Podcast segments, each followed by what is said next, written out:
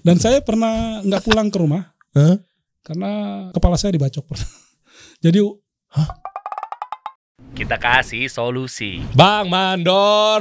oke. Mampir guys, ini pengusaha sukses mantan preman. Allah. Punya 700 hektar tambak udang yang udah dikejar-kejar sama investor buru-buru mau. Amin amin. Masya Allah ya, kita lihat ya di Helmi Yahya bicara diundang beliau. Iya. Sampai pemerintah Pak Jokowi udah berapa kali ke tempat antum bang? Dua kali datang di kawasan tambak kita di situ. Uji. Saat peresmian percontohan dari trail project beliau Mm-mm. BUMN ya. Heeh. Terus saat panen raya. Dan saat panen raya itu jembatan yang tadinya nggak ada udah ada. Oh jadi dibikin sama beliau, sama Beliau. Pak Jokowi? Khusus pertambakan masyarakat di situ. Oh Memang masya Allah. tambak ya. Oh berarti dekat banget sama program-program pemerintah atau kementerian-kementerian ya misalnya sama Pak Teten Mas Duki Pak Teten Mas Duki waktu saya panen Kenal? pernah datang ya. pernah datang juga. Pernah datang. Ajib. Dan beberapa menteri lainnya. Oke ini sebelum kita bahas ya apalagi kan beliau kan backgroundnya kan dulunya kan saya sering beli kue-kue subuh di Senen tuh. Iya. Untungnya nggak dipalak sama beliau nih. Karena waktu itu ibu sempat mulainya Hmm. sekarang alhamdulillah ada toko kue. Ya. Cuma waktu itu belajar-belajarnya beli di situ dulu. Oh ya, belum belum yang produksi gimana sendiri, tapi kan ambil di situ jual, ambil di situ jual gitu-gitu kan. Dulu tiap pagi nemenin tuh ibu tuh. Oh, Nah, itu tuh kawasan preman-preman Senen di situ banyak kan ya. betul. Nah, Betul nah, sekali. nanti kita gali teman-teman ya sampai akhirnya eh, kok bisa dekat sama pemerintah, malah percontohan, Iya, sampai banyak juga membantu memperdayakan orang-orang yang ada di sana, sampai punya yayasan. betul. Trans 7 liputannya di mana aja nih? Ini orang saya incar dari dulu teman-teman. Setahun yang lalu ya. itu udah WhatsAppan dari eh, tahun lalu loh. Pas November ini. Pas November. Afwan ya. Mungkin waktu itu subscribersnya masih dikit, Bukan sih. nggak mau mampir. Bukan, bukan. Bulannya lagi sibuk-sibuknya itu. Emang emang tambak ada bulan-bulan tertentu sibuk ya? Ya, saat kita mau persiapan tebar benur, saat mau panen raya, itu lagi sibuk-sibuknya. Pas November itu kalau nggak salah panen raya. Oke, dan dan nggak gampang Dan ya? persiapan untuk siklus berikutnya. Iya, iya, dan nggak gampang ya maksudnya. Bang Mandur ini bisa tahu loh guys, kalau misalnya kita mau tambak nih, contoh kita bawa investor nih, Iya. tambak. Ada laut tepi mana gitu misalnya nembak. Iya. Itu bisa ketahuan ini laut ini nggak bagus, pantainya nggak bagus tuh karena Betul. dari dengar ceritanya tadi di off air ya, dari Indonesia Timur tuh ntar akhirnya begini begini begini. Iya. Udah nggak mainan kita lagi, kita baca market deh, baca baca laut deh, baca pantai. Tadinya nggak tahu, tapi dengan sering ikut apa seminar-seminar dari para pakar budidaya. Oke. Kita kan ada Stream Club Indonesia tuh. Hmm. Jadi persatuan para petambak se-Indonesia, Oke. petambak udang khususnya. Mhm. Itu kemarin kita belum lama habis musyawarah daerah di Bandung, Hmm. di eh, Kota Bandung. Terus juga nggak lama dapat berapa waktu musyawarah nasional di eh, Surabaya. Uh. Dan Nana memang bagian dari pengurus di Iya iya iya. Stream Club Indonesia itu. Nah itu banyak para pakar ilmuwan sampai profesornya lah ibaratnya di bidang budidaya Ya. sampai masalah tentang eh, penelitian arus laut itu kalau disebut ilmunya apa, Ana lupa itu. Mhm. Eh, itu bisa kita lihat mana nanti lokasi yang ideal, yang cocok untuk tambak dan bisa sustain gitu ya, mana yang enggak. Gimana caranya ngeliat arus laut? Arus kas perusahaan aja saya deg-degan pakai arus laut. Ya, Ketahuan tuh ya. ya contoh misalkan ya, Heeh. kita mau lihat eh, mau buka lahan di satu lokasi ternyata pas kita lihat di situ memang ada petambak-petambak tapi Hmm. ternyata posisinya teluk gitu ya. Nah, teluk ini salah satu yang kawasan yang kurang direkomendasikan Oke. oleh para pakar untuk buka tambak. Oh, ada teluk, ada Ada Tanjung. Tanjung kan? ya. Loh, kenapa? Jangan dijawab dulu. kenapa tuh nggak boleh di sisi teluk atau segala macamnya? Kita nanti bahas kalau teman-teman simak sampai akhir ya. Ya, ya. itu. Bang Mandor, Hmm. dulu gimana ceritanya bisa bisa tobat jadi preman dan preman dulu ngapain aja. Kita ambil librohnya teman-teman ya di sini ya. Bukan berarti kita menggali-menggali dalam arti membongkar aib yang dulunya. Enggak enggak mungkin Iya, iya, iya. kita pengen ada pelajaran. Banyak kawan-kawan kita yang masih masih eh, tercemplung di gubangan tersebut bang. Betul. sehingga nggak ada arah. Lihat sekarang lihat dong teman-teman. Beliau udah wah masya allah 700 hektar. Ini 700 ya. Betul Ya. bukan 70 ya. Ya, sebenarnya itu salah sih. Harusnya Lebih dari itu sebenarnya. Wah. gue pikir salahnya gue kekurangan. Tolong diri jangan kurang-kurangin ya misalnya, atau jangan lebih-lebihin ya, Iya. atau kelebihan ternyata masih Iya, Tambah karena lagi deh. Iya, memang awalnya saya sebelum terjun di udang kan bisnisnya ya itu mulai dari calo Oke. tanah sampai akuisisi lahan sendiri. Ngeri, ngeri, ngeri. Kita bahas dari awal deh bang. Ya. Iya, iya. Tahun berapa waktu itu udah main di Senen bang? Saya ke Senin itu pas pasca kerusuhan persis. 98. Betul. Oh resesi 98 tuh ya. Resesi 98. Saya kabur dari kampung bukan karena krisis sebenarnya. Tapi Tapi karena bosan di kampung dikejar dikubur-ubur polisi tuh. Berperkara terus. Jadi orang tua Eh. saya lihat kesusahan dengan ulah saya. ya Jadi ya pilih pergi aja lah dari kampung gitu. di mana kampungnya? Muara Gembong. Oh di Bekasi. Muara Gambong ini. Oh berarti Iya. di sini tambak ini memang membesarkan kampung ya? Iya betul. Oke. Saya pulang kampung ya saya coba bangun ekonominya dari kultur kita yang ada di situ. Oh, memang oke. Kulturnya air payau ya. Oke, iya, iya. Muara Gembong itu kan Bekasi Bekasi. ke Jakarta ke Senen. Iya. Emang di sana buat rusuhnya tuh di terminalnya juga sama. Bukan. Kalau di sana kan kampung ya. Nah, terus maksudnya? kampung itu kan lebih sadis sebenarnya dari ya nggak jauh beda lah Hah? sama di terminal. Aha. Jadi di kita itu ada saya namanya di depan rumah atau depan kampung kita pesisir sampai pesisir itu Sungai Citarum ada. Mm-mm. Jadi di masa-masa saya kecil sampai saya remaja sampai saya ya terlibat dalam kenakalan remaja gitu. Itu udah sangat biasa orang berantem saling bunuh gitu kan. Berantem saling bunuh. Ya maksudnya ah, Iya, udah- ada korban lah gitu ya. gitu. Dan itu biasa. Ya sehari-hari kita di sana bahkan satu mayat, dua mayat, bahkan tiga mayat digondeng itu ada. Sehari tiga mayat. Biasa. ya, maksudnya sewaktu-waktu ada lewat orang peristiwa misalkan ya ada aja yang hilang lah gitu. Bang, kita cuma berantem tuh level-level tampol-tampolan doang, Bang. Di situ dia bunuh-bunuhan biasa ya. Ya memang Muara Gembong di antara wilayah Bekasi yang kalau orang Bekasi tahu, paham, ngerti lah gitu. Apa yang diributin, Bang? Ya sebenarnya apa ya? Karena Perempuan gitu kan? ya udah campur baur lah gitu. Oke. Terus karakter ya orang sana Hmm. karena memang banyak kan Jawara ya.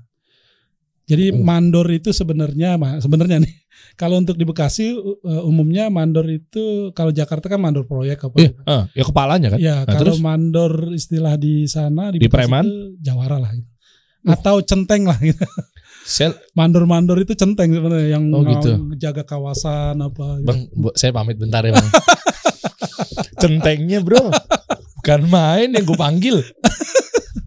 Tadi di bawah dicek security kan? Ya udah Enggak bawa enggak KTP udah di oh, KTP. Kelewang-kelewang enggak dibawa kan? enggak. Enggak ada. CR CR celurit nggak dibawa ya? Jadi Nah, di terus? kampung itu ribut-ribut itu ya bukan tangan kosong lagi. Bahkan saya pernah duel siang hari pakai se- senjata tajam. Siang hari. siang hari. Mungkin zaman masa itu ya, nggak tahu setelah sebelum dan sesudahnya. Saat itu ya saya satunya satu-satunya mungkin laki-laki yang duel siang hari pakai senjata tajam di. Berdua nih depan-depanan. Ya, Dia saya- juga pakai senjata tajam. dia berdua saya sendiri malah. Dia berdua, Iya, abang saya- sendiri saya dan sendiri. dua-duanya pakai senjata tajam juga. Yang satu pakai yang satu enggak. Itu pun saya ini masa lalu ya. Iya iya, nggak apa-apa. Ini buat ambil ibrohnya. Justru kita jangan kayak begitu guys. Iya, jadi Oke. eh, kita memang ya udah punya siap-siap lah gitu ya. Pas musuh tangan kosong dia kalah, padahal dia berdua tuh. tuh. Huh? Dia kalah, dia nyabut golok, ya saya ambil celurit. Di mana ngambilnya waktunya kapan? Eh, karena Standby. saya udah tahu eh, flot-flot di mana saya akan ini, saya selalu taruh senjata entah dititipin di warung, entah ditaruh di mana gitu. Wah Jadi ini udah kalau ada ini saya langsung ambil aja. levelnya udah level fighter ya, bukan MM lagi nih kalau di Mobile Legend ya. Dan saya pernah nggak pulang ke rumah Hah? karena saya kepala saya dibacok. Jadi Hah? saya dikerubutin beberapa orang, mungkin 15 sampai 20 orang gitu ya. Saya ngelindungin teman-teman lah daripada dihabisin semua. Saya ngadepin sendiri gitu kan. Karena diajak kemudian lu mau gua hancurin di sini sama anak-anak gua lu atau lu ikut gua. Ya so patriotis mungkin. Oke. Jadi ya udah gua aja lah gitu. Nggak taunya habis lah di situ. Alhamdulillah ada satu salah satu teman yang nolongin ya nemenin lah gitu ya. Dia nggak ada berperkara dengan musuh saya itu. Hah? Eh, jadi pas saat mulai saya dihantam gitu dengan senjata dengan apa, dia melukin lah tuh gitu ya. Terus? Ya, alhamdulillah ya kemudian dengan perantara sahabat ini Ana masih bisa selamat. Kalau enggak udah tercincang-cincang diceburin ke kali itu. Ya Allah. Ceburin sungai. Bang itu dibacok, maaf ya. Kan biasanya kan kalau kayak preman-preman gitu kan pakai ilmu tekbal ya. Iya. itu sempat ngalamin juga Ya kebal-kebal gitu. kalau anak nggak belajar itu. Cuma kalau ilmu kebatinan pernah belajar. Kebatinan itu buat kebal juga. Ya di antaranya gitu. Tapi nggak kepake waktu itu. nggak kepake. Nggak kepake. Cuma Berarti- mental aja. Oh, waktu mental itu. doang. Iya. Tapi beneran ada begitu-begitu. mungkin ada. Ada ya. Tapi ya saya nggak pernah belajar ya? langsung. Dan kebacok berdarah kan? Berdarah. Kebacok nih. Iya. Terus kok nggak kenapa-napa? Berdarah, penuh darah semua. Enggak terus gimana? Maksudnya alhamdulillah selamat gitu. Iya, alhamdulillah. Mungkin masih ada bekasnya. Oke. alhamdulillah masih selamat. Cuman nggak berani pulang rumah karena takut orang tua apa shock gitu ya. Pas sudah dapat udah kering dapat berapa hari baru pulang. Tapi darahnya bekasnya masih ada gitu ya. Iya, dipinjemin baju. Oh gitu. Kirain Karena ini udah darah semua. kirain kayak oh ini halo mas sehat ya. Gitu. Hmm. Saya nggak habis ngapa-ngapain kok tapi masih ada bekas darahnya gitu. Oke Dan itu sering bukan sekali. Sering ya? Iya. di sana. Nah terus akhirnya kan ke Senen. Senin. Karena dipanggil polisi terus, dicari-cari polisi terus kan. Orang ribut bikin Iya. onar. Bahkan kalau ada tontonan tuh, kalau ada dangdut di hajatan Oh. itu pasti rusuh. Oh iyalah mabok kan. Iya, kayak gitulah. Bahkan kalau pernah kejadian di dangdut itu bubar acaranya gara-gara salonnya pada rubuh semua. Dan saya langsung ditenteng sama polisi, digetok pakai pistol itu. Ya kelakuan kelakuannya pasti gara-gara preman-preman situ tuh Iya. yang rusuh-rusuh tuh. Ya terus akhirnya eh, polisi tapi kan udah berhasil nangkap terus kok dikeluarin lagi. dikasih segel perjanjian untuk tidak mengulangi kan cuma ya di sana apa ya kalau ribut-ribut nggak sampai ini ya polisi cuma kasih peringatan aja Oh, Oke, Hmm. bang, ini mau nanya cuma nggak tahu nih mau jawab apa enggak ya. Ya. Biasanya biar biar biar pengen tahu di di angle lain lah, di Hmm. sisi lain lah. Hmm. Yang mungkin teman-teman juga penasaran di ranah itu. Eh, biasanya kalau kayak gitu-gitu tuh ada yang dipelihara nggak sih? Sama mungkin oknum polisi. Kita ngomongnya oknum ya. Hmm. Atau mungkin orang-orang tertentu, pejabat-pejabat. iya iya iya. Ada nggak sih sebetulnya? Kayaknya anda nggak mau jawab ya. Berarti ada ya. Hah? iya iya iya silent aja lah Silent ya. Kan udah Udah. enggak. ya itu udah pada tahu lah di luar itu itu terasa banget waktu di terminal lah gitu. Iya kan? Waktu di terminal. Biasanya apa pungli kan?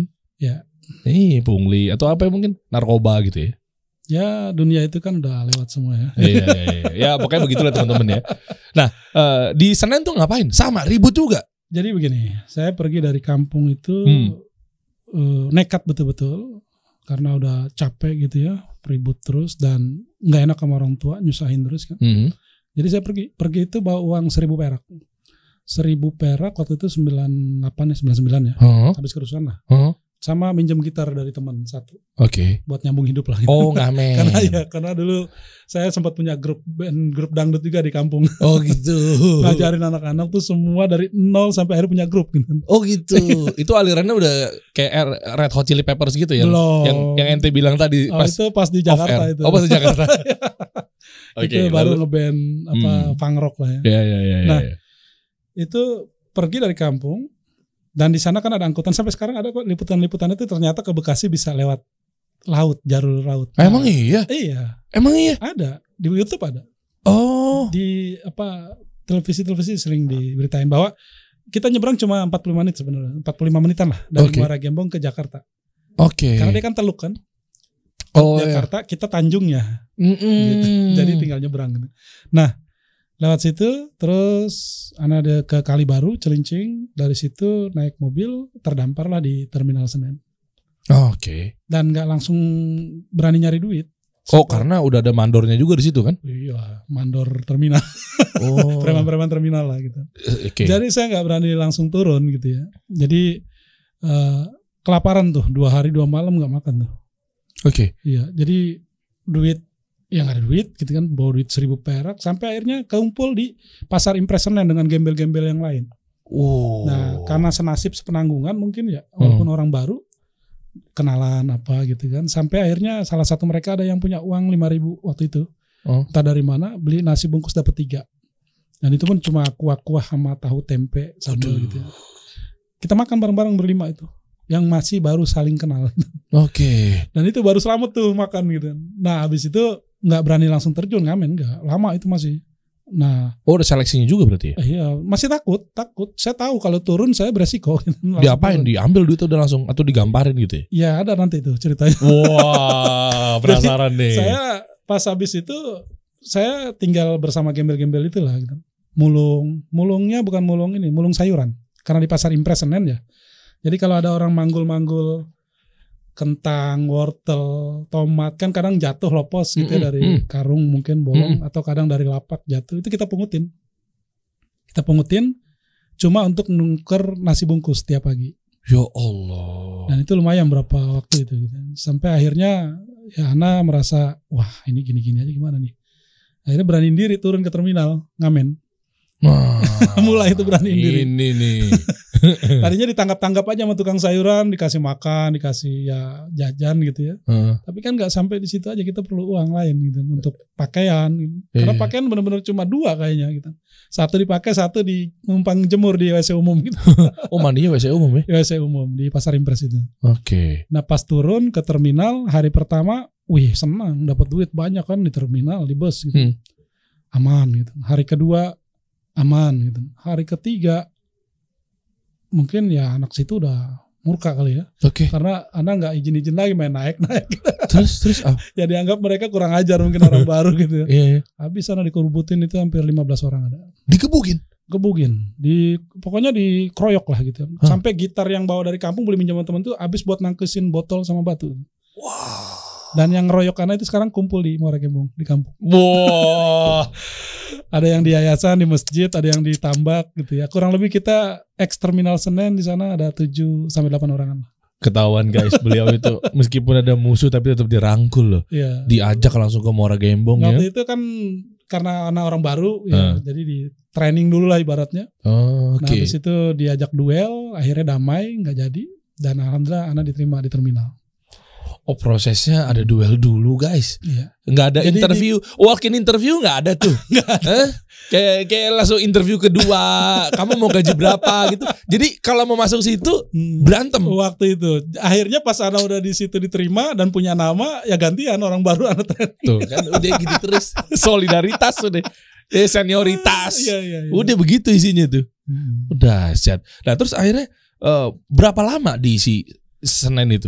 Terminal Senen anak dari 98 99 sampai pulang mutlak ke kampung itu ya 2014 lah. Hah? Berapa lama tuh? 2013 2014 ya. Dan kehidupannya ngamen aja bang? Atau mungkin malak itu ada gak sih? Eh, di terminal sebenarnya 2009 anak udah mulai punya tempat tinggal beli tanah beli rumah di kampung gitu. Tapi anak masih usaha di Jakarta waktu itu. Dari hasil ngamen tuh ya? Eh, enggak, ngamen cuma sampai 2004 terakhir lah. 2003 2004. Oh sisanya itu mungkin dagang bisnis apa segala macam. Dagang. Ah nanti kita sampai ngasong, sampai Oh, ya bangun bisnis, bangkrut. Balik lagi ngasong. Ada ide bangun bisnis maju, bangkrut, balik lagi ngasong gitu Oh, terus. gitu terus ya. Nanti kita cek nih kira-kira apa aja tuh ya. Iya, iya, iya. Eh, Nah tapi gini bang, mundur dikit bang. Hmm. Preman itu kan identik dengan eh, tadi berantem udah kita bahas gitu ya, Iya, udah iya. kita singgung. Tapi penasarannya nggak tahu nih mau cerita apa atau mau jawab apa enggak. Hmm. Antum sampai di level yang bunuh orang nggak bang? ya, Nah, nggak usah dijawab ya. ya alhamdulillah enggak sih benar. Oh masa sih? Ya, mudah-mudahan. Gak tahu. Di sini mungkin udah ngample-ngample tuh. Organ-organ tubuhnya ada yang keluar, tapi mungkin kelihatannya hidup, mungkin sisanya ya gak tahu lah. Itu itu tuh masa waktu itu ya. Cuma mungkin mudah-mudahan ya. Itu yang sekarang ini anak berpikir jujur ya, sering merenung di sana itu nanti gimana ya hisapnya. Allah. Jadi anak ingat betul orang-orang yang mungkin ya berhadapan langsung dengan anak gitu ya. Dan bagaimana dia merasakannya gitu ya. Ya itu yang kalau anak ketemu sekarang pengen balas aja lah gue lah gitu. Hmm. Mumpung masih di dunia gitu. Ya, ya, ya, ya, ya. Karena ya berpikir ya ke semua kan dihisap nanti di sana kan. Hmm. Ya orang-orang seperti itu yang nanti tahu-tahu datang di sana nuntut kita Iya. karena dosa menganiaya dia. Banyak guru-guru kita ngasih tahu juga kita mungkin dalam keadaan bangkrut nantinya ya kan. Iya betul. Dikuras tuh amal kebaikan kita gitu kan. Ya.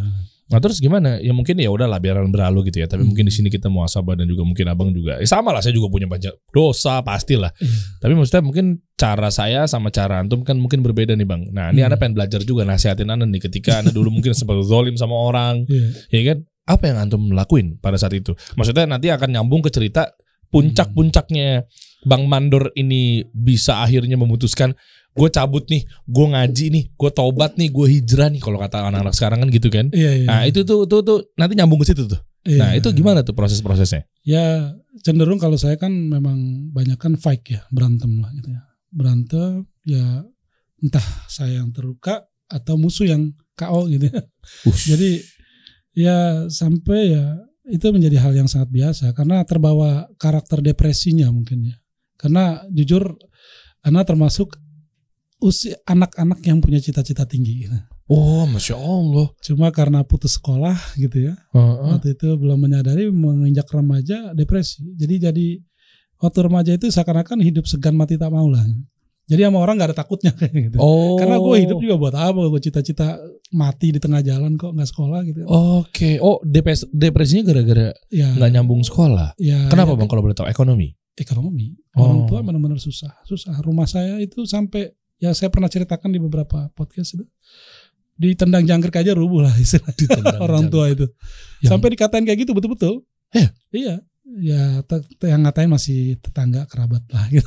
Dan itu menjadi spirit luar biasa seusia Ana waktu itu udah merasakan sakit gitu. Oke. Orang tua dihina kayak gitu. Ditendang jang. Aduh mau ketawa takut dosa lagi. Gak apa-apa. Dan alhamdulillah rumah itu sekarang sekarang jadi komplek yayasan. Masya Allah. Jadi komplek yayasan dengan gedung lima lantai, ada Ajib. majelis, ada beberapa rumah pengurus dan guru. Wah nanti kita lihat ya. Iya, iya. Kayak apa bentuknya ya. Tapi maksudnya di- definisi ditendang jangkrik jatuh itu Saking- artinya apa sih? Maksudnya ring. Reotnya dari gedek bambu bolong-bolong gitu ya, Oh. sampai kamar Rana itu di jangankan diintip orang tangan bisa masuk. Tapi di bilik-bilik itu Ana dulu bangun impian Ana gitu. Oh, Gambar masjid, Ana Oh. tempel di dinding bilik, gambar gedung berapa lantai Ana tempel di bilik itu. Dan sekarang alhamdulillah terwujud. Masya Allah. Walaupun eh, kayak masjid eh, jadi perantara untuk bangun karena Ya. banyak banget teman-teman yang support. Iya, iya, bantu. Nah ini ini aneh pengen belajar nih bang nih. Kok Hmm. bisa bisanya sampai akhirnya bangun masjid, usaha, tambak Iya. yang mungkin udah miliaran rupiah gitu kan Hmm. hasil yang didapat dari tambak apalagi 700 bahkan lebih menuju Iya. hampir 1000 hektar misalnya kan Eh, gimana puncaknya Eh, ketika gue tobat nih Oke. Jadi dari kenakalan itu, dari pengaruh pergaulan yang luar biasa keras gitu di terminal, ada sudut-sudut waktu atau keadaan yang kita merasa eh, batin itu bergejolak gitu ya. Batin itu bertanya-tanya pada diri sendiri bahwa emang hidup harus seperti ini gitu. Terus gitu ya. Seperti ini terus nggak ada keadaan yang lain yang lebih baik gitu oke atau keadaan orang-orang yang normal tuh yang saya lihat turun naik bus patas AC kalau Hmm. macam dengan pakaian rapi kayak antum gitu kan. Masya allah sama nih Ah, kayaknya. Bersih gitu kan. Eh, bawa koper bawa tas. Ya mungkin pernah bekerja waktu itu ya. Iya.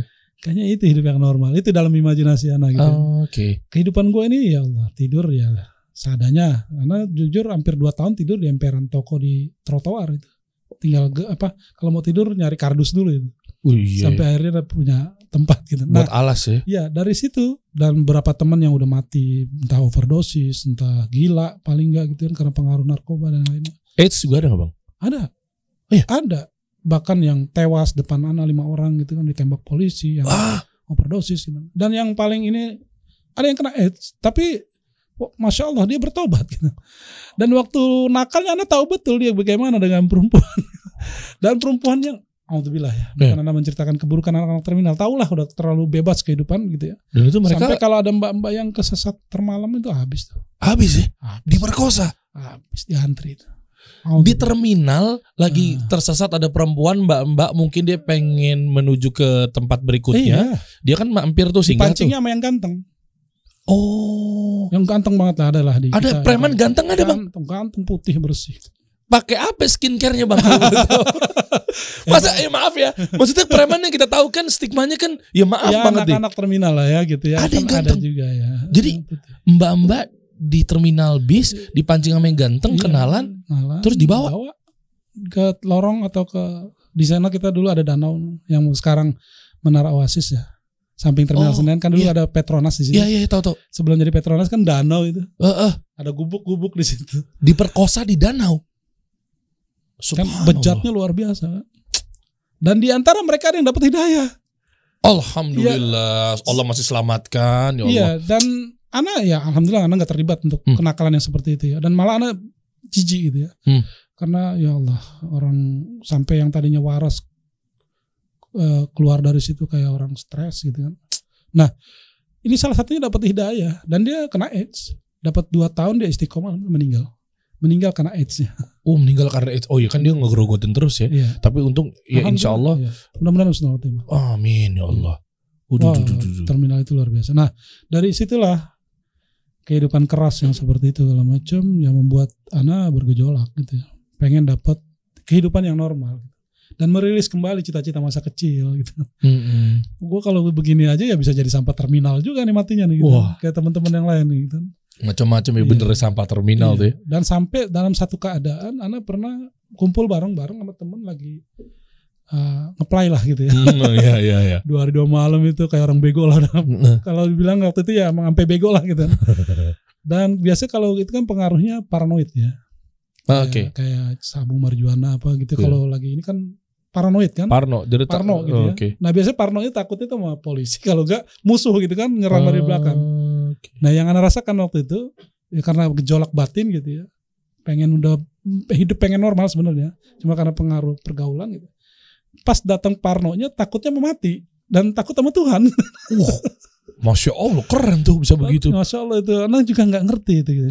Kasarnya bagaimana ya? Di terminal itu kan kita hidup keras gitu ya. Jangankan ada orang berani nasihatin kita, Ustadz misalnya, baru ngeliat aja udah takut. Gitu. iya bener. Tapi Masya Allah, Allah benar-benar maha lembut gitu ya. Dia punya cara lain untuk bisa Iya. mengetuk eh, ya hati-hati hambanya mungkin. Dan Iya. Alhamdulillah anak merasakan waktu itu saat kayak gitu datang Parno ras- takut gitu ya. Dan takut mati, takut sama Tuhan. Itu anak lagi ini sepoyangan nguduk langsung.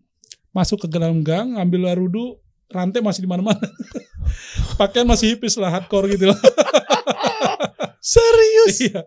Dan masuk musola, alhamdulillah nggak dibentak sama imam atau sama Eh. penjaga musolanya. Kalau mungkin dimarahin nggak balik lagi tuh. Iya iya iya iya bener. Dan pas sadar dari pengaruh itu mulai mikir juga tuh.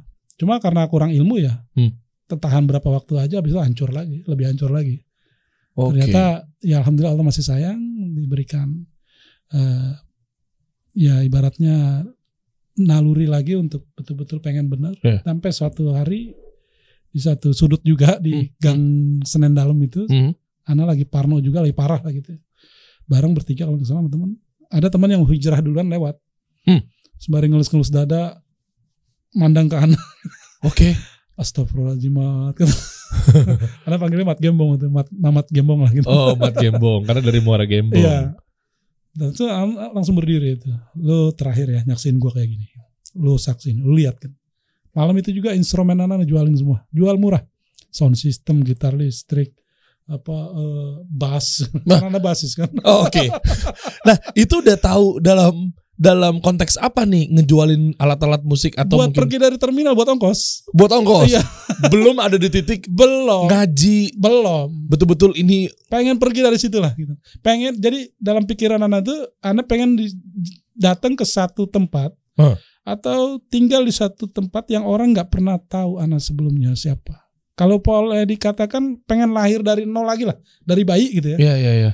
Yang di situ Ana bisa mulai hidup baru gitu. Ah, Oke. Hakim udah nggak sanggup dengan tekanan gejolak batin hidup di terminal keras dengan kehidupan yang bayangannya adalah gue mati kayak gini nih kalau gue nggak berhenti nih. Iya. Kalau gue nggak keluar dari terminal gue mati kayak gini nih kayak teman-teman gue nih. Nah Iya. di situlah keputusan itu malamnya anda jual semua dapat duit ya sedikit lah cukup untuk berapa hari. Eh, anda pergi ke Tasikmalaya. nggak punya nggak punya tujuan. Kenapa Tasik tuh? Mohon maaf. Jadi waktu kecil Ana diceritakan orang tua Gunung Galunggung kan ada di Tasik tuh. Aha. Pernah meletus tahun 80-an kan. Aha. Itu abunya sampai ke Muara Gembong. Oh. Sampai daun-daun mangga apa di sana pada Melting-melting lah abu-abu gitu, gitu ya, abu gitu ya. Heeh. Sampai adik Ana yang sekarang nganter Anda juga tuh di luar. Nah, itu kena pengaruh dari abu itu gitu. Oh. Kayak agak koreng-koreng gitu lah gitu. Oh, panas ya? Panas ya. Ya mungkin pengaruh itu ya. Oke. Nah, itu kayak apa sih galunggung gitu. Oh, jadi tahu. Adanya di Tasik noti- gitu ya. Notice ke situ kan? Pengennya ke sana. Oke. Nah, kurang lebih satu bulan Ana turun naik gunung bukan bukan gunung Galunggung doang akhirnya. Gunung Batu Ngampar, Batu Ceper, Batu Ngampar lah di situ. Eh, Jalan sendirian malam apa bawa gembolan doang. Terus? Gembolan sama gitar akustik karena ninggalin buat nyambung hidup maksudnya. Oke. Jadi kalau duit habis Tetap balik lagi. enggak ke Oh. maksudnya ngamen di sana. Oh, ngamen di sana. Nah, apa pas itu ternyata benar 15 hari duit habis. Oh, ini nggak cukup tuh. Akhirnya dikeliling di kota Tasik itu. Satu toko ngasih 50 perak, cepet, Wah, benar-benar. selesai itu. Waduh. Dan bisnisnya kapan? Tadi katanya sempat buka bisnis bangkrut, balik Ah. lagi ke Setelah itu Ana balik ke terminal satu bulan dan berkomitmen gitu berjanji di sana. Tepatnya di Gunung Galunggung juga di atas puncak yang di situ walau alam mungkin ya kalau dibilang ini terlalu mistis mungkin tapi Hmm. Ana alami lah gitu. Hmm. Kejadian yang luar biasa buat Ana yang sampai Ana berjanji kalau kau berikan aku kesempatan hidup ya Rob, aku berjanji gak akan balik lagi ke dunia masa lalu gitu. Oh. Dunia hitam. gitu. Oke. Tapi kalau kau selesaikan hidupku sekarang ya aku belum berbuat apa-apa. Oke. Jadi ya aku pasrah gitu kan. Tapi ternyata alhamdulillah Allah kasih hidup masih. Masya Allah. Itu kejadian yang wah itu kalau diceritakan Oh, panjang tuh. terdukun-dukun. ya, ya, ya, Tapi paham, emang paham. kejadian gitu. Oh, kejadian oh. dalam hidup. Melakukan sesuatu di sana. Ketemu, ketemu dan terjadi peristiwa yang ya hampir mau merenggut nyawa Anda lah. gitu. Ketemu apa nih? Anda nggak paham nih. Kalau diceritain panjang. Ketemu Mungkin halusinasi aja lah. jin, setan. Ya anggapan malaikat maut malah waktu itu. Oh ya. Mungkin jin ya. Aduh itu. Oh, ya, itu panjang ya. Nah itu Anda janji itu. Nggak- kan Anda menghadapi kematian emang udah berapa kali kan berantem kan. Iya. Tapi itu kejadian yang benar-benar membuat Anda kalau gue dikasih kesempatan hidup nih gue janji nggak akan balik lagi. Bener. Akhirnya ya alhamdulillah. Masya Allah. Bisnisnya waktu itu bisnis apa aja bang? Nah Yang sempat jatuh bangun sebelum tambak deh. nah pas eh, Singkatnya apa aja ya, misalnya? Waktu itu mulai hijrah itu Anda belajar ngasong malah. Oh ngasong. Ngasong. Di Terus Terminal Sudirman Tamrin apa itu Blok M udah gagal tuh. ah, gagal. Ganti lagi. Bisnis mulai bikin kolam lele. Kolam lele tuh. Udah kita rawat dari kecil eh pas mau panen kabur lele. Kena banjir. Nah kolam lele itulah kolam-kolam itu sekarang jadi gedung lima lantai itu. Oh. Untuk SD. Oh jadi di kampung ya bikinnya ya. Di kampung ya. Terus Sempet akhirnya balik lagi ke terminal. oh balik lagi. Ngasong lagi gitu. kan. Langsung lagi ntar duitnya dia uh, uh, uh, kekumpul, buka lagi di Ya, kampung, gagal lagi. Gagal lagi. Uh, Ternyata nggak gampang loh guys. Kita kan tahunya kan, uh enak ya Bang Mandor ya. 700 hektar ya, miliaran nih Allah. gitu kan. Uh Iya, banyak iya. nih disupport sama investor pada mau ngejar-ngejar nih. Iya, Tapi iya, ternyata iya. dagangnya banting-banting Uh, sana luar sini. biasa. loh. Ana mulai belajar dagang itu 2003 kalau nggak salah. Oh, oke. Dari belajar dagang sih dari mulai orang tua waktu putus sekolah mulai bantu orang tua dagang. Mhm. Nah pas sendiri ya di terminal itu pas hijrah itu ninggalin musik jadi ngasong. Nah, ini nih kuncinya. Sebelum gua gali lebih dalam teman-teman terkait dari dapat dari mana tuh mungkin hidayah apa segala macam ya Iya. gitu kan, Hmm. dakwahnya atau mungkin dalilnya. Tapi dikit lagi bang, pernah nggak ngerasain yang betul-betul? Kalau tadi kan kita berbicara mengenai yang abangnya yang hantem orang ngebunuh ngebunuh orang nggak tahu lah meskipun tadi dijawabnya pakai isyarat ya. Tapi ente sendiri di tahap yang mana nih? Pernah sampai bener-bener parah mau sakaratul maut koma gitu misalnya? iya. Eh. Iya pernah. Tapi fit lagi. Alhamdulillah. Kenapa waktu itu ketusuk? Ya kebacok. Yang di kepala itu Iya, beda lagi. kepala. Ya di antaranya itu. Terus waktu di eh, mana tuh ya? Yang parah itulah, yang parah itu. Yang selainnya anak banyak kan menang sih. itu karena dikerubutin aja. Karena dikerubutin ya. Ya sama yang di terminal yang dikerubutin Iya, iya. Tapi alhamdulillah itu nggak hampir mengancam nyawa ya karena ada polisi apa misain gitu. Bang, yang di- pakai apa sih bang bisa kuat begitu Fatigon? ya alhamdulillah Allah masih jaga aja. Masya Allah. ya, ya, ya, ya. ini buat ambil ibrohnya dan Iya, lain iya, sebagainya ya. Nah, ini nih yang yang saya tunggu-tunggu nih. Kenapa tiba-tiba bisa ninggalin musik? Kenapa tiba-tiba bisa ngaji, taubat? Iya. Itu gimana? Prosesnya tahu dari mana? Jadi- kan biasa orang langsung nolak kan. Hmm. Dalilnya begini, begini, begini gitu. Gimana tuh bang? Jadi setelah saya pulang dari Tasik, saya berkomitmen udah nggak terjun lagi ke dunia hitam gitu ya. Bahkan waktu pulang ditawarin macam-macam lagi udah nggak mau. Bahkan klimaksnya di Terminal Senen kita habis kumpul-kumpul malam, eh, habis yang dari sana dari sini kumpul gitu ya. Kita pesta lah gitu ya, pesta Oke. minum apa segala macam. Tapi anak enggak. Hmm. Dan disuruh-suruhin terus sama teman-teman dipaksa lah gitu kan. Sampai akhirnya anak nangis gitu. Hah? Anak nangis gitu kan. Dan satu tuh teman anak namanya si Tony orang Medan, gede tinggi gitu dan emang kasar gitu ya. Hmm. Maksanya udah kayak apa tuh akhirnya anak bilang, sekarang begini deh Ton, gitu. lu semua gitu. Apakah gua kalau udah nggak mengkonsumsi ini lagi gitu gua udah nggak minum lagi, udah nggak ini lagi, lu udah nggak nganggap gua teman. Wah, gitu. berat tuh Nangis tuh saya gitu. sampai nangis. Oh. Eh mereka nangis semua. Melukin gitu. Gitu. Melukin akhirnya oke oke lu biar gimana pun sahabat kita gitu, teman kita. Akhirnya mereka udah mulai menyadari. Cuma makin hari makin nggak ini kan karena nggak satu ruh gitu ya. Oke, iya iya iya. Jadi udah nggak enak kayaknya gitu duduk-duduk nongkrong gitu gitu. Iya. Enaknya malah di masjid gitu kan baca Al-Qur'an terjemahan gitu kan. oh itu itu Belajar baca buku. itu udah ada fase itu sebelum Iya. mengetahui dalil lebih dalam. Belum. Oh, jadi benar-benar pengen coba lebih baik pengen ya. coba lebih baik. Karena Oh. memang saya hobi bacanya nggak hilang tuh alhamdulillah dari Ah, kecil. Oke. Dan itu di antaranya mungkin pengacara salah satu pengantar alhamdulillah Allah berikan eh, pencerahan gitu macam dari hobi baca itu. Oh, Oke. Jadi baca-baca Quran ada ketemu kolom agama. gitu. Oh iya iya iya. Nah, itu iya. mungkin gejolak bikin tuh ada kehidupan ternyata yang lebih Oh, aman, lebih damai gitu ya. Ternyata preman bisa nangis guys. Saya baru tahu. Saya baru Nangis tahu. ya? Nangis tuh. Nangis. Nangisnya nangis. kakinya sambil kayak digosek-gosek ke Enggak. aspal gitu nggak? Oh enggak. Tapi udah ya lumayan inilah nangisnya jadilah gitu. ya. Sampai Eh. teman-teman ikut nangis dan melukin. Oke. Nah itu eh eh, di situ kita ya berusaha untuk benar-benar eh, lepas lah dari kehidupan itu gitu. Hmm. Sampai akhirnya ya alhamdulillah ada pengajian kan di Keramat Senen itu Hmm, di Dewan Dakwah gitu ya, Hmm, hmm, di Islamic Center gitu kan. Kadang ada tablik akbar di Istiqlal kan, Hmm. masyaikh masyaikh dari Hmm. Saudi gitu kan. Iya, iya. Nah alhamdulillah Ana udah mulai aktif tuh. Oke. Nah, eh, eh, gini Bang, jembatannya Terus apa? pas ninggalin musik ya, Ah, itu. Jembatannya apa? Baca apa? Dikasih tahu siapa? Nah, ini ini masya Allah dramatis. Ini Eh. emang nggak karang-karang dan real betul-betul yang anda dapati Iya. seperti itu. Jadi Eh, begitu anda udah mulai mendalami, sering ikut ngaji apa gitu ya. Pas itu masih ngamen tuh, Oke, oke. masih ngamen. Nah pas selesai ngamen kita mau makan pecel lele tuh di pinggiran terminal Senen. Heeh, Yang ada pos heeh. polisi tuh. Ah, Iya, Sampai iya. sekarang pecel lelenya ada mas mas itu. Itu kenal banget tuh. Oh gitu. Pas mau makan ketemu kertas di bawah di ya kita lewat karena pungut gitu kan kertas itu kayak ada tulisan Arab soalnya anak menarik gitu kan. anak baca nah di situ hadis muslim apa apa gitu yang bahwa suatu hari akan ada sebagian dari umatku yang akan menghalalkan khamar gitu kan terus sutra Heeh. alat-alat musik Oh, itu familiar sekali tuh Iya, dalil. itu- Di potongan atau secari kertas itu. nah Pas di potongannya. pas sobekan lah agak lebar lah mungkin bekas bungkusan kacang atau apa gitu nggak ngerti itu akhirnya anak lipat anak kantongin anak bawa ke ustadz pas kajian anak tanya Oh, iya, iya. bener nggak ini dalil ini itu terjadi perdebatan itu kan teman-teman lagi bareng semangat semangat hijrah kan Iya. pengamen pengamen lain juga Iya, iya, iya. Wah nggak mungkin ini gitu kan akhirnya nanya ke ustadz ternyata pas di salah satu ustadz waktu itu udah jangan nanya yang ini ini dulu gitu ngaji aja dulu yang bener gitu Oh, masya Allah. nah lama itu dari situ satu tahun setengah baru bisa ninggalin Oh, Oke.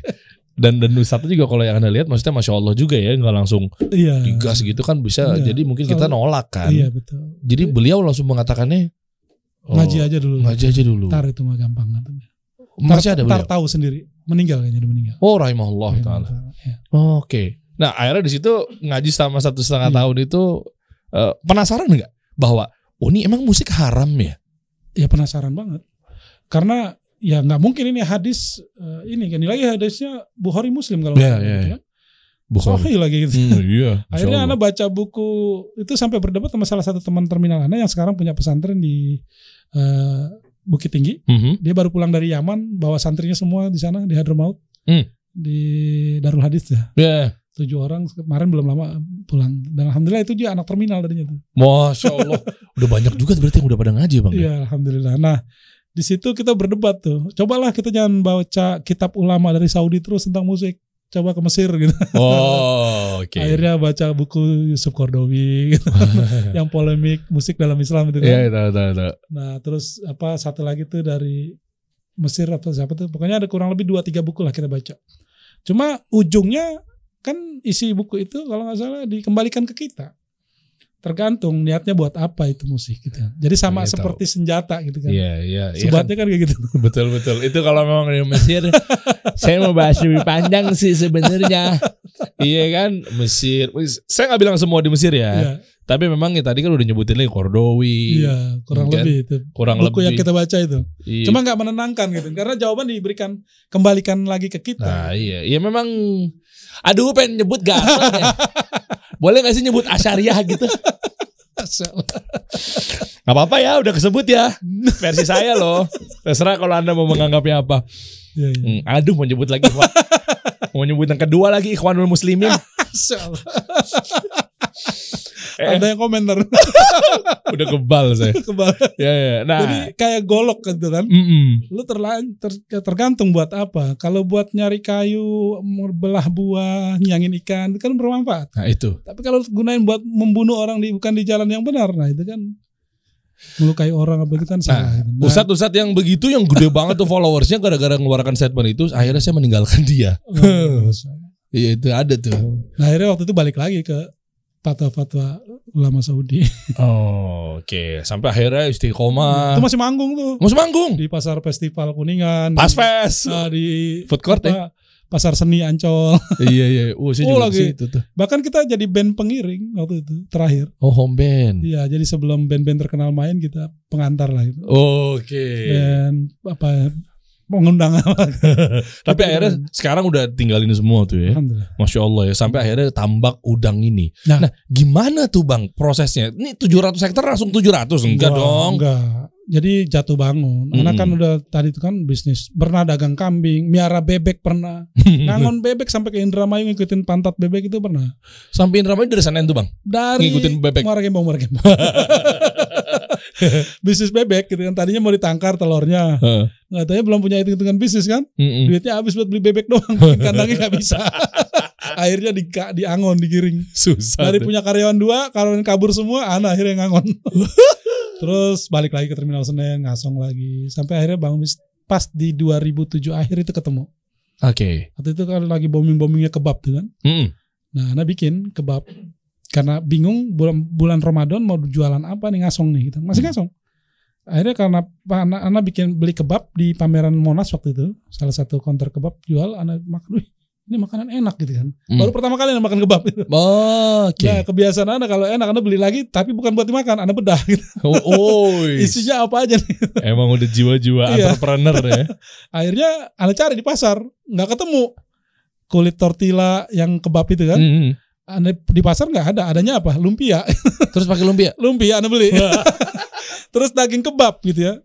Di mana ini beli daging kebab ini? Nggak ada. Anak belinya di pasar burger, pasar kaget waktu itu. Anak Eh. tinggal di Koja waktu itu. Eh. Jalan itu kalau ini ke pasar. Nah, anak beli kebab, apa apa burger. Yang itu anak belah dua lah. gitu. Heeh. Terus kalau saladnya apa apa seladanya tahu ya, Hmm. mayones sudah tahu, saus sudah tahu. Nah itu anak masak di rumah di uh, penggorengan istri, pasti pakai kompor minyak waktu itu 2007 itu. Oke. Anak garang, anak cobain makan, nih enak ini, Oke. enak juga dipakai walaupun pakai lumpia gitu. kan. Akhirnya anak coba, suruh istri cobain, enak. Anak bikin agak lebih lima atau empat lah, anak bawa ke terminal, anak bagi ya teman-teman gitu. Nih, gue masak nih, lo enak gak menurut lo? enak ini enak akhirnya wah masak lah coba ngeberaniin diri itu kan bikin 12 piece 12 kebab gitu ya. Solusin ya. Anak bawa satu loyang. Eh. loyang donat tuh. Eh, tahu. Ah, box donat. Yang plastik putih itu bening naik tuh. ke mobil. Oke. ke mobil bus. Eh. pas jam 5 atau setengah lima orang mau buka. Jual goceng 5000 ribu waktu itu. Ternyata habis. Ush.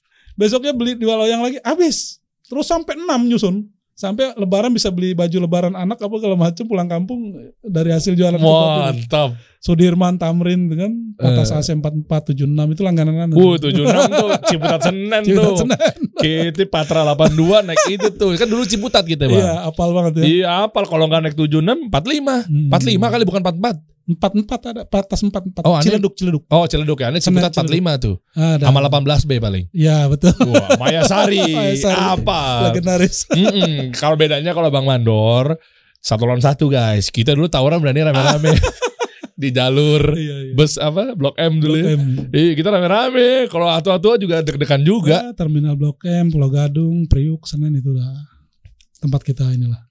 Uh, nggak ada apa-apa itu anak budut kapal Iya. itu nggak ada apa-apanya ketemu preman-preman di situ ya. Iya apal gitu kampung Jawa. Eh, Jadi gini bang, eh, sampai akhirnya eh, kok kepikiran udang? Ya, waktu itu kan anak dari kebab yang tadi ya, anak Hmm. punya outlet tuh. Hmm. Sampai akhirnya punya 16 outlet dan dengan tiga restoran. Oh masya Allah. Itu Ana mulai dapat uang kaget di situ lah ibaratnya. Oh, oke. Dapat tuh bisa beli rumah, beli mobil. Oh, iya. Di Padahal nggak ikutan acara di RCTI ya. Iya. Uang kagetnya ya. Nah, yang tadinya cuma duit susah kan ya ini semalam bisa juta-jutaan nih gitu kan. Sampai Hmm. akhirnya anak jual gerobak rombong lah gitu kan, kemitraan apa. Hmm. Sampai buka di akhirnya di Tabing Kalimantan Barat. Eh di Tabing di Padang ya. Oh, Terus di Tebing Tinggi di Sintang Kalimantan Barat. kok jauh-jauh amat? Sampai di UI juga kan ada tuh. Oh. Merek kan ada situ. Apa sih namanya? Abacia Kebab Pizza. Nah itu Oh. merek itu. Internet masih ada kayaknya. Masih sampai sekarang? Enggak, nah udah jual. Udah jual, putus. Mungkin oke. mereknya ganti. Oke. Nah, ada bisnis itu tuh ekspor kepiting Hmm. ke Singapura, Xiamen, Guangzhou, Hong Kong udah mulai meningkat terus tuh. Itu ada tinggalin karena omsetnya kalah dengan ekspor. Oh, iya, oke. Yang tadinya cuma kepiting dari kampung Ana sampai akhir dari Aceh sampai Papua Ana bawa ke kirim ke sana gitu. Sadis. Nah, terus mulai melirik bisnis properti tanah. gitu. Hmm. Belajar tuh waktu itu 2012 akhir. 2013, 2014 baru pecah telur lah ibaratnya. Hmm. Dan bukan rumah itu juga rumah sampai sekarang nggak bisa jual. Kenapa? Satu unit pun gitu. Kenapa? Mungkin servonya bukan di situ. Tapi Iya. akhirnya di tanah gitu. Eh. Tanah 2014 sana bisa deal satu hektar. Uh, makelar sejati ini mah namanya. Dari tadinya cuma nyalo akhirnya bisa beli sendiri. Oh, jadi awalnya justru sebelum 700 hektar ini nyaloin jual Nyalo, tanah. Jual tanah. Sampai akhirnya bisa beli gitu kan. Terus kalau ada yang ini ya jual. Oh, begitu. Sampai ya dari mulai 2014 itu satu hektar. Terus kalau kata guru anak kan biasanya kalau udah sukses sekali tuman nanti gitu. Tuman, iya, iya, iya. Karena kesuksesan eh, pengulangan yang paling enak itu kan mengulangi kesuksesan. Iya, betul juga sih. Saya juga mau. Jadi konsepnya kan memang karena ada ilmunya ya. Iya. Begitu udah transaksi terjadi, Hmm. kan tinggal copy paste doang. Iya juga sih. Terus begitu aja gitu. Sampai akhirnya alhamdulillah. Ush, itu sampai di di di 700 itu punya antum semua. Enggak, ada teman, ada partner juga segala macam. Gimana sih Bang cara bangun atau milih tanah atau milih pantai dulu deh? Ya, ini basic begini. nanyanya ya. Ya, kan kita belajar harus dari nol dulu nih. Waktu itu sih anak nggak fokus di Muara Gembong malah di malah di kecamatan lain masih di Bekasi lah. Tapi Mhm. zonanya bagus, zona industri apa gitu. Oke. Nah dari situ dapat uang besar lah. Oh. Jadi bisa belanja ke tanah yang lebih murah. Gitu. Oh, oke. Dapat besar di sini, belanja di tanah yang lebih murah. Hmm. Ada grup Ana pernah Ana beli 100 hektar, cuma modal kurang lebih 5 m gitu. ya. Berarti kan cuma 5 ribu per meter. Loh, lah kok murah banget? Makanya Kok murah sih? ya murah tanah di sana murah. Ada yang cuma kita karena ada tanah milik, ada eh, tanah garapan ya. Jadi Iya. bukan beli tanah. Operali garapan lah, garapan lah gitu. Hmm. Oper garapan ada gitu. Tapi yang tanah milik juga ada.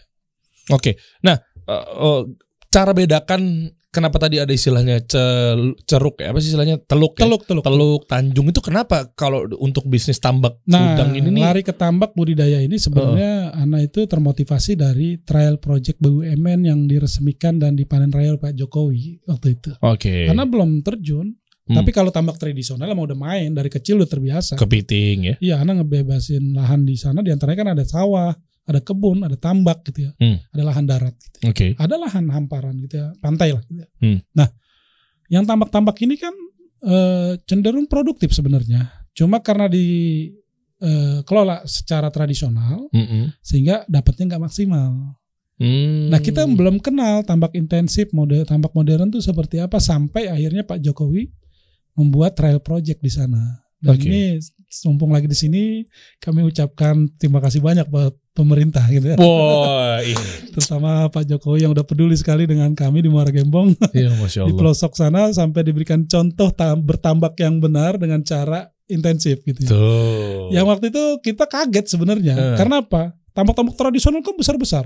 Ada 12 hektar, 4 hektar, 5 hektar. Bahkan ada satu kolam itu 40 hektar. Satu kolamnya padahal ya. 40 hektar ada. Bahkan yang 50 hektar ada.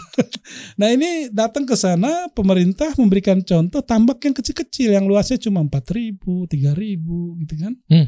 Nah tapi hasilnya tontonan.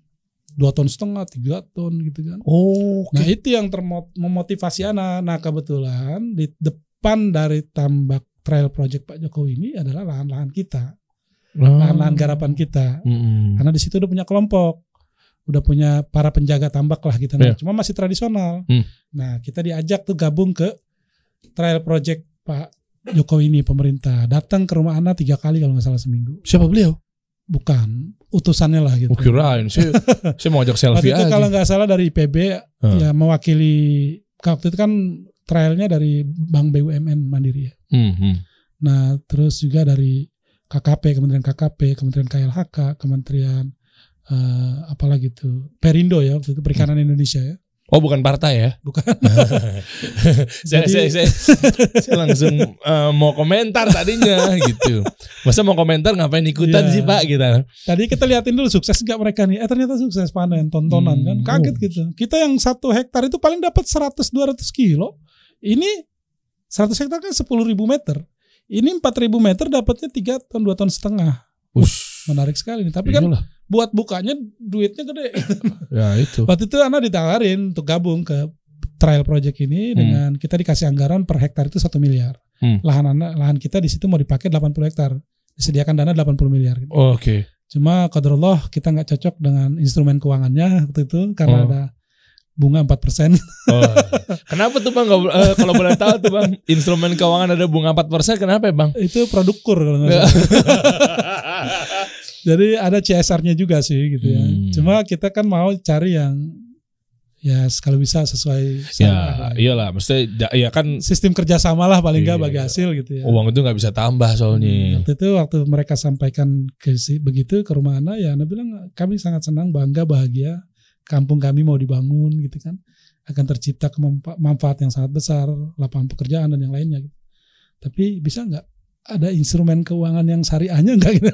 Oke. Maksudnya kerjasama gitu kan bank pemerintah ada bank syariahnya juga gitu. Iya BSI. Ya kan waktu itu belum ada masih Oh, oke. Mandiri BRI ya kan BNI syariah gitu Hmm. sampai tiga kali pun seperti itu ya Anda jawab juga seperti itu sampai mereka akhirnya pulang nanti dikabari Pak Isan kalau permohonan Pak Isan disetujui gitu kan, di eh, redaksi gitu kan. eh di apa ya di kantornya lah gitu Mhm. ya kami akan kembali lagi Taunya ternyata nggak balik-balik nggak balik-balik. Soalnya 4% kan cuannya ya sebenarnya sih kecil itu ya kecil kecil. 4% kecil per tahun Anda bagi hasil 50-50 aja masih berani per tahun per siklus malah Oh. Empat bulan. Oke. artinya Ya harusnya mudoroba ya. Nah, cuma yang sedikit itu kita ngeri ya pribadi Anda menganggap kecil sih secara logika gitu. Tapi Hmm. pas giliran kita ambil ternyata Iya kan satu satu dirham riba berapa itu? artinya secara logika kecil gitu ya. Ah. Tapi begitu kita ambil ternyata Allah buat kita nggak mampu. gitu. Iya. Kan Allah perangin. Nah itu dia. Bagaimana per, mau menang lawan Nggak bisa lah. Mau mau levelnya bukan Bang Mandor, Bang Jenderal juga kayaknya Ah, susah lawan 80 Allah. miliar kurang lebih waktu itu Oke. sampai kalau kelompok Pak Isan mampu mengelola dan sustain Pak, Pak pemerintah di sini merencanakan 1000 hektar di Maragembong itu. Oke. Jadi ada anggaran anggaran satu triliun yang bisa dikelola. Waduh, dana segar. Sampai percakapan itu waktu itu anak rekam terus. Wah, ya ya ya ya ya.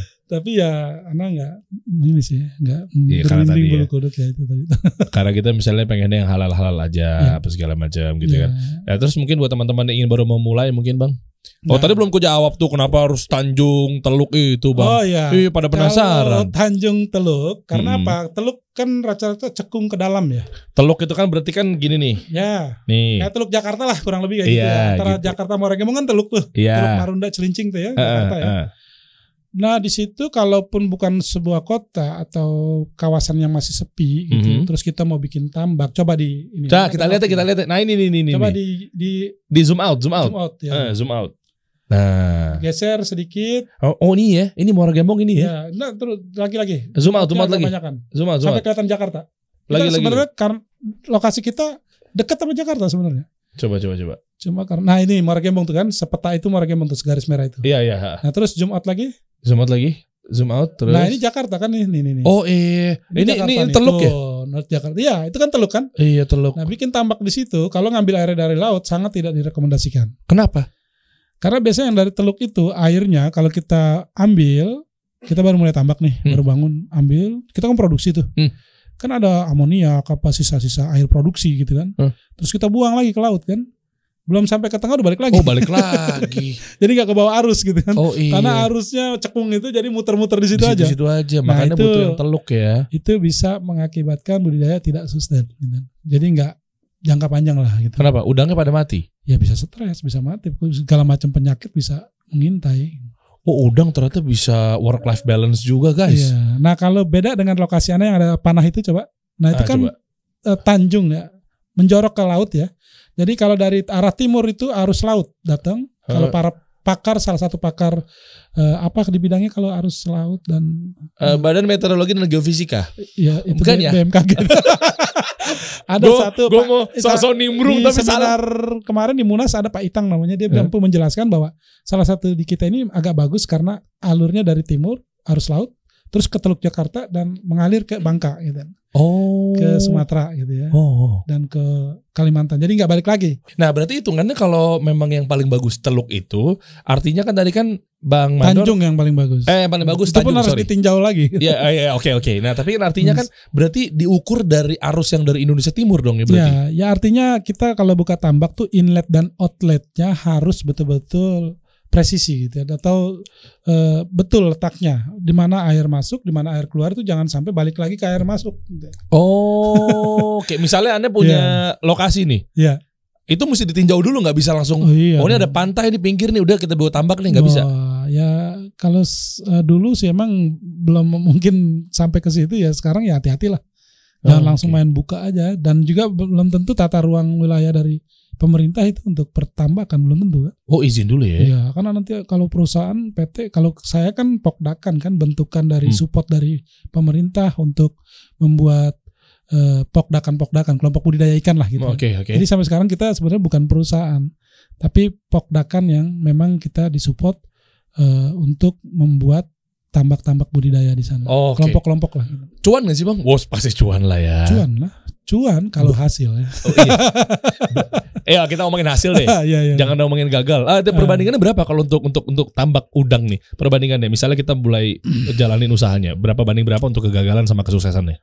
Ya kalau eh, normal ya, kalau bagus, insya Allah eh, 80 85 persen lah.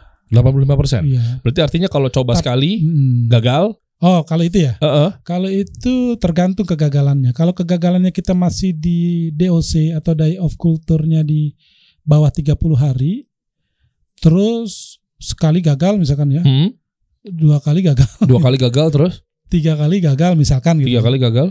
Yang keempatnya panen raya bahkan ya sesuai target apalagi bisa melebihi target karena di udang itu kadang satu tambah satu bisa jadi dua bahkan tiga Oh, ini mah Iya. sehat nih bisnis nih, produktif ya. ya tapi kalau nggak lagi apa lagi suwe gitu. kalau terus jadi satu tambah satu bisa stagnan satu bahkan minus gitu Oh iya. ya bahkan ya banyak yang gulung tikar juga sih Biasanya gulung tikar atau suenya gara-gara apa? ya Udangnya mati, udah itu. mati virus kena virus gitu makanya hati-hati banget teman-teman buat yang buka ya karena saya udah mengalami ya gitu ya saya Hmm. pernah sukses eh, saya pernah panen raya saya bahkan pernah melebihi target saya juga pernah gagal pernah minus gitu ya pernah force major juga Oh, force major itu biasanya ya mungkin tsunami atau dan apa itu gitu. ya. data-data yang luar biasa untuk temuan SOP yang sustainability Iya, kan kita harus panjang harus tahu gagalnya dulu. betul betul Berarti tiga banding satu ya insya Allah sih. ya aman kalau gagalnya lagi-lagi baru di usia-usia dini lah gitu ya Iya. Tapi kalau misalkan udah p- 50 hari, 45 hari, ya kita masih bisa balik modal sebenarnya. Hmm. 50 hari. Jadi kalau modal gimana sih bang? Kalau hitung-hitungan tradingnya nih, misalnya naruh berapa, jadi berapa panen, terus nantinya akan Sebenarnya berapa? begini, kalau budidaya itu masih seperti para senior kita dulu, Hmm. kita misalkan punya, taruh kita skala kecil lah ya, Hmm. satu kolam, Satu kolam misalnya berapa hektar? Satu 1000 hektar. meter misalnya. 1000 meter. 1000 meter. Hmm. Itu kalau kepadatan tebar 200 ribu ekor atau 200 ekor per meter, Hmm. bisa panen 3 ton setengah sampai 4 ton. Sekurang-kurangnya 3 ton lah. Modal berapa? Modal produksi kurang lebih 130 jutaan sampai 150 juta. Oke. eh, Panennya itu bisa sampai 3 ton setengah saya pernah, bahkan 4,1 ton pernah. berapa tuh itu cuannya? kalau cuannya yang ses 40 masih normal ya. Hah? Kalau sekarang kan cenderung udang nih lagi pengaruh perang Rusia Oh, ya. Ukraina pengaruh, tinggi pengaruh. Itu di ses 40 itu sekitar 80 85 ribu per kilo. Hah? Jadi kalau kita hitung 80 ribu aja misalkan. Iya ya, 80 ribu berarti kali. per ton kan 80 juta. Heeh. Kalau kita dapat 4 ton, Ti- Tiga eh nah, 300 320 juta. 20 juta. Modalnya kan cuma 100 30 150 jutaan. Itu kan dapat 4 ton. Kalau dapat 3 ton, berarti kan kurang lebih eh, 240 juta. Iya. Kurang lebih hampir balik modal. 100% guys. Iya, hampir balik modal, tapi kan ada biaya infrastruktur, oh iya bangun sih. tambak Iya, dan yang iya, lainnya. iya, iya. Kalau kalau orang apa pakar budidaya kita atau para praktisi budidaya kita yang udah mengalami masa-masa eh, dulu masih pakan misalkan murah. Iya, iya, iya. Oh iya pakan juga ngaruh Iya. ya. Ya sekarang sebenarnya kalau worth it ya, kita Iya, berhasil terus, sukses terus, tiga siklus balik modal. Wah, masya Allah. Kalau 700 hektar gimana tuh bang? Itu kan bang? Di sini 700 hektar sebenarnya belum tambak intensif semua. Eh, eh, ya anggaplah 500 hektarnya deh misalnya. Ya, ya tinggal hitung aja. Berapa tuh cuan? Kayak misalkan maaf ya, Heeh. tambak yang dulu berjaya di Lampung ya, Mhm. sampai ada yang per tahunnya itu 50 ribu ton panen itu. Salah satu tambak besar di Lampung. Paling gede Sana kan berarti ada berapa? kurang lebih ada tiga. Oh, ya, paling gede tiga. berarti antum berapa? Cuan deh. Paling paling tinggi Paling hasilnya. tinggi. Ya hasil panen raya. pernah baru 5 miliaran sekali Hmm. panennya. 5 miliar. Iya. Sekali panen. Sekali panen. Berapa lama nunggu waktunya? 3 sampai 4 bulan. 3 bulan 5 miliar. Iya. Pantesan gak Ya. heran ya Allah mudahkan antum jadi apa di, di Kampung Muara Gembong ada apa aja? Ada yayasan. Ada yayasan Anas bin Malik, ada Iya. masjid ya. Ya. Masya Jadi Allah. sebelum kita tambak intensif kita udah ada tambak-tambak tradisional yang Nah. menghasilkan bandeng, ikan bandeng, rumput Iya. laut. Nah, coba coba Nah, sini sana. Atas atas atas. Enggak, bukan. Eh. Bawah. Di bawah di bawah di bawah. Zoom out zoom out zoom out. Nah, itu tuh warung warung warung warung. Ini, warung-warung sambal Nah, itu yang sembako. itu. Ah itu tuh, coba. Sini sini. Zoom zoom zoom zoom. Zoom. Ini nih di atas huruf V-nya, huruf V kiri atas. Terus terus. Puskesmas. Ah itu, itu. iya. Coba zoom zoom zoom zoom. Iya di situ dan. Di kursor itu bener. Iya. Nah, terus terus terus terus terus. Nah, terus. itu itu Masjid Jami. Miftahul Jannah itu antum juga. Ya, Ana jadi perantara untuk bangunnya. Diklik aja masjidnya. Coba coba cemplungin orang yang sana dong. Kita mau lihat dong lebih dalam. Itu masjid, diklik masjidnya. Nah, coba. Taruh situ. Ya, situ. Nah, Bu, situ itu yayasan. Oh, masjid, masjid, masjid, masjid masjid. dulu. Masjid, masjid. Anda amatir sekali ya mainin Google Map ya. Oh, ini ya. Bukan. Oh, bukan, bukan. Back Maju lagi. sini, belok muter-muter. Back lagi, back lagi dulu deh. Biar cepat back dulu, back dulu. Bawah, bawah, bawah, bawah, bawah, bawah. Nah, itu backnya. Nah, itu. Nah, coba. Klik aja langsung. Klik aja masjidnya. Masjid Aminya klik. Iya. Masjid, masjid. Ini Ya, majelis baik, Anas ya. bin Malik, Paul. Masjid. Masjidnya itu. Nih, ya. Nah, Anda, te- awal bentar, bentar. Anda TK lulusnya gambreng ya? Bukan pakai rapot ya? Om Pimpal, Yum gambreng. Ah, lulus. Nah, ini nih. ah, ini dan coba klik-klik. Oh, tuh. Ini awal kita membangun basis ekonomi kita di bidang budidaya. Wah. Awalnya dari masjid, Heeh. ada obrolan-obrolan yang masing-masing jamaah udah ya alhamdulillah di istiqomah gitu ya. Huish. Terus ke bawah gambarnya. Oh, ini santri-santrinya ya. itu waktu masuk dibangun. Nah, ini bawahnya lagi. Nah, itu udah masjid udah jadi. Masya Allah. Allah Bawahnya lagi, Boleh lagi, boleh lagi. bawah lagi. Nah, ini ini udah aktif betul. Uh. Nah, ini alhamdulillah ada rutin kajian di sini. Oh, Ustadz siapa? Ustaz Abu- Yahya ya. Oh, Ustadz eh, Abu Yahya Salam ya. Badrul Salam, Ustadz Ya, Badru. Udah beberapa kali di sini. Heeh. Terus ada Ustaz Abu Qatada juga. Ustadz Abu Qatada. Ustadz Qatada. Iya, iya, iya, iya. Nah, ini dari apa eh, jamaah yang udah istiqomah di sini terus mereka ingin mempunyai bidang usaha yang Hmm. memang udah bukan serabutan lagi lah gitu. Iya. dia bisa menghasilkan di situ lah terbetik lah untuk bikin kekuatan dari bidang ekonominya gitu. Wow, masya Allah. Jadi nextnya mau dibikin apa bang dari sini bang? Nantinya mungkin spesialis di bidang Ada apa pengajarannya? di- ya insya Allah ada bisnis turunan kalau di bisnisnya. Kalau di pelajarannya kita Hmm. ada mau buka pesantren berbasis perikanan budidaya insya Allah. Pesantren berbasis perikanan Iya. dan budidaya. Ini membantu. Udah banyak yang mau support sih termasuk dari kampus AUP Pasar Minggu Oh. Pak Dr. Romi Noviardi. Ya, oh ya. Beliau bersedia untuk menjadi penyusun kurikulumnya nanti. Waduh. Dan bahkan beliau udah ada pertemuan kita beberapa kali Mhm. di termasuk di AUP Pasar Minggu datang dari Baur Indonesia yang cabang dari Belanda.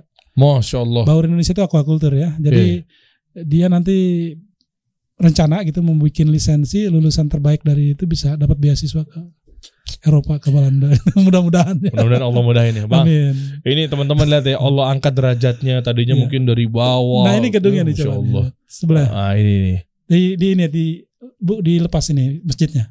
Ah, di di di Dikeluarin, close. di out, out. Balik lagi, back lagi, back lagi dan kiri lagi, kiri lagi. Nah itu bawah coba.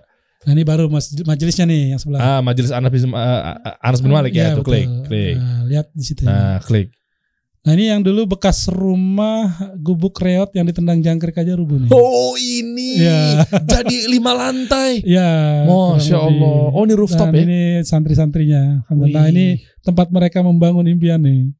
Wah, itu buat apa bang tadi bang? Nanti Itu sawah-sawah kita, insya Allah yang sebagiannya ya udah kita bebasin, yang rencana buat pengembangan pusat pendidikannya. Oh, Karena gitu. di yayasan ini, alhamdulillah di notarisnya perizinannya apa semua udah sampai ke perguruan tinggi, insya Allah. Oh udah. Ya, tinggal pelaksanaannya aja. Udah tinggal digas. Eh, Butuh biaya berapa bang? Eh, lihat aja ntar. Ntar saya cariin investornya, bukan gue. Ya semoga Allah mudahkan. Ya semoga ini para para muhsinin muhsinin nih. Ya, hafizahumullah taala nih Ya. teman-teman nih. Coba dong nih support nih programnya Bang Mandor. Yuk kita sama-sama raih nih ini jalan menuju Ya, surga nih insyaallah. Insya Allah tahun depan udah mulai terbentuk lah. Jadi gedungnya udah ada, Amin. tinggal kurikulumnya dan tenaga pengajar. Oke, berarti banyak teman-teman yang bisa mengsumbangsikan Iya. mungkin knowledge-nya, Betul, bisa ya? Yang santri-santri ya bisa ngajar keagamaannya. Heeh. Yang ahli aquacultur, perikanan, budidaya bisa ngajar di aquaculturnya. Wah, keren. Dan di sini kita mau mencetak para talent teknisi tambak modern intensif yang soleh insya Allah. Masya Allah. Yuk, ini sangat membantu program pemerintah loh. Nah betul. Nah ini salah satu lagi Hmm. kita bersyukur pemerintah memang sangat sungguh-sungguh sekali dalam bidang budidaya udang faname. Bahkan sekarang kalau nggak salah bisa dicari di di internet. Pemerintah lagi bangun lima klaster di lima wilayah kabupaten di beberapa wilayah di Indonesia. Oke. Termasuk di Kebumen kalau nggak salah, Oke. terus di Sumbawa di Sumbawa ya, Mm-mm. terus di Aceh gitu ya. Mm-mm. Itu per satu lokasi itu seribu hektar. Wow.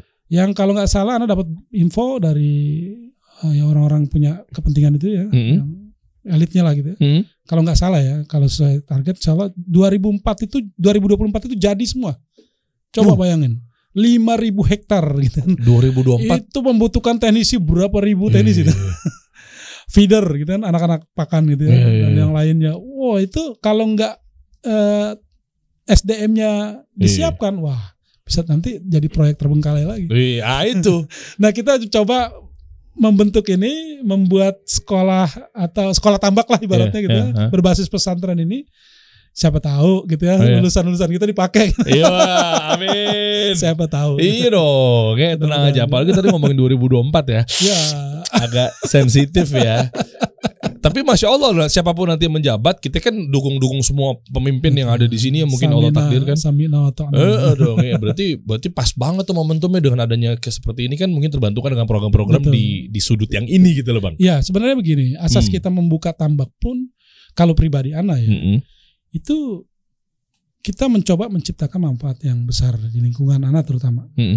Sebenarnya tawaran di lokasi lain banyak sekali gitu ya. Hmm. Seperti di Sumbawa, di Bangka, di Lombok karena ditawarin lokasi bahkan nggak sewa gitu ya atau beli kerjasama lah gitu ya. Oke. Tinggal pakai gitu. Di Bali bahkan ada ditawarin. Gitu. Hmm. Tapi anda berpikir di lokasi Muara Gembong Anda aja itu masih sangat luas gitu Iya. ya. Oh. Dan kal Anda kan putra daerah asli di situ. Oh iya. Jadi istilahnya prinsip Anda kalau mau sukses sukses di kampung dulu sendiri gitu. Wah keren. Kalau mau maju maju di kampung dulu sendiri budidayanya sehingga manfaatnya dinikmati oleh orang kampung Anda. Wah keren. Kayak sekarang nih kita baru da- punya satu klaster ya Mm-mm. dan under construction empat klaster gitu ya. Hmm. Itu udah menciptakan puluhan orang lapangan pekerja, 50 lebih gitu ya. Oh. Kurang lebih ya. Belum pekerja harian dan yang lainnya. Iya. Ya yang Anda lihat gitu ya. Makanya Anda merasa pas terjun di aquaculture ini, di budidaya ini merasa menemukan ruh Anda sebagai masyarakat pesisir. Wah. Yang pertama tercipta ke perma- apa manfaat yang besar gitu. ya. Hmm. Dengan terciptanya lapangan pekerjaan. Hmm. Belum manfaat-manfaat lain lagi. Efek domino positif ekonominya gitu. Oh ya. Minimal saat mereka gajian warung-warung sekitar ramai gitu. Wah.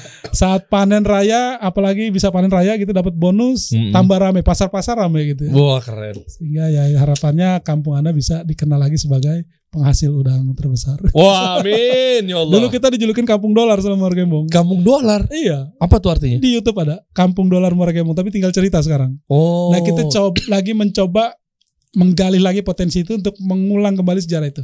Kalau bisa lebih besar lagi. Masya Allah. Mudah-mudahan. Bang Mandor, Gubernur Muara Gembong 2024. Gubernur. Kecamatan Muara Gembong. Kecamatan. Udah levelnya gubernur nih.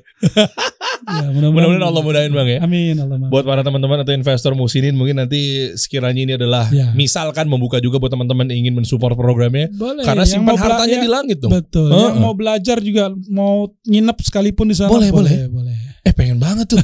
Coba dong Aldan Aldan. Belajar tuh. Iya. Boleh magang gitu boleh untuk belajar Boleh, boleh. belajar budidaya Ya, tambak. boleh. Sama kita juga lagi belajar apa untuk mendapatkan know-how itu tadi ya, Nah, sustainability dalam SOP budidayanya. tuh. Tapi ya kita juga sangat welcome terbuka untuk siapa pun yang mau belajar kalau masih ada tempat. iya, iya. Tuh, guys, pas banget guys. Ya, ini buat Aldan, buat teman-teman semua Iya. kan pas banget kita bisa belajar di sana, belajar sama udang di sana. Betul. Kan belakang mungkin belakangan ini lu nggak ada otak kan biar Sekarang pun lagi pada ada yang magang dari sana. Di sana. biar otak udang gitu loh. Sekarang Oh, ada, ada? mahasiswa AUP dari Papua malah di Tambakana. Oh, dari ada? Papua jauh-jauh ke sini. Mantap. Dia magang di sini. Bang ntar insya Allah nih main-main juga dong di situ dan. Boleh, boleh. Ya, boleh ya. Hmm. Iya, ya, siapa tahu kan kita bisa bisa belajar dan lain sebagainya Iya, gitu kan. Allah, ya. Bisa kecil-kecilan dulu lah. Misalnya Anda mau buka yang untuk pemula boleh nggak Bang? Kita mulai dari 5000 hektar dulu. Justru anak sekarang lagi eh, mulu ribu hektar. luar biasa. target anak 2025 itu. Iya. Iya, iya. Jadi ya keceplosan jadi. Oh, 2025 5000 hektar guys. jadi jadi calonnya Banyak membuka lapangan pekerjaan nih. enggak akuisisi lahannya yang mudah-mudahan nanti ada tercipta kebermanfaatan yang lebih besar Amin, dari ya Allah. proyek-proyek yang mungkin bisa dibangun Ya, amin. sinergi dengan pemerintah dengan developer lain yang lain yang mungkin Oh, ya. Oke. Hmm. Bapak saya Karena Muara Gembong ini udah masuk proyek strategis Iya. nasional kalau Nah. nggak salah. oper-oper abang proyeknya bapak. bapak saya sih arsitek sama sipil sih. Oh, iya. Hmm, kalau mau bagi-bagi proyek boleh gitu ya. Dan dekat dari Jakarta. Oh, deket ya? Naik pohon aja kelihatan gedung-gedung Jakarta dari kita sebenarnya. Oh. Cuma kayaknya nggak kurang dikenal. Mungkin kalau Pak Jokowi belum ke sana orang belum ngeh Muara Gembong. Sekarang aja masih ada yang banyak yang asing kan? Ya, ya, iya saya juga baru tahu tuh. ya. Iya makanya. Yuk kita rame-rame ke sana teman-teman ya. Kita boleh, boleh. ramaikan ya. dengan senang hati. Ya, ya, ya. Insya Allah nanti kita sih ngobrol belajar. Ya bakar-bakar udang lah, bukan bakar menyan ya. Kalau saya pesisir nih masih rawan. oh banyak dukun ya? ya perjuangannya panjang tuh. Aduh, kalau harung laut itu, aduh. Dukun semua ya. Nyiroro Kidul gitu ya? Enggak ada sih, Enggak ada ya? sana utara kan. Oh, iya. Paling terkenal apa di sana? Ya biasa aja, jin-jin penunggu laut. Kita kasih solusi.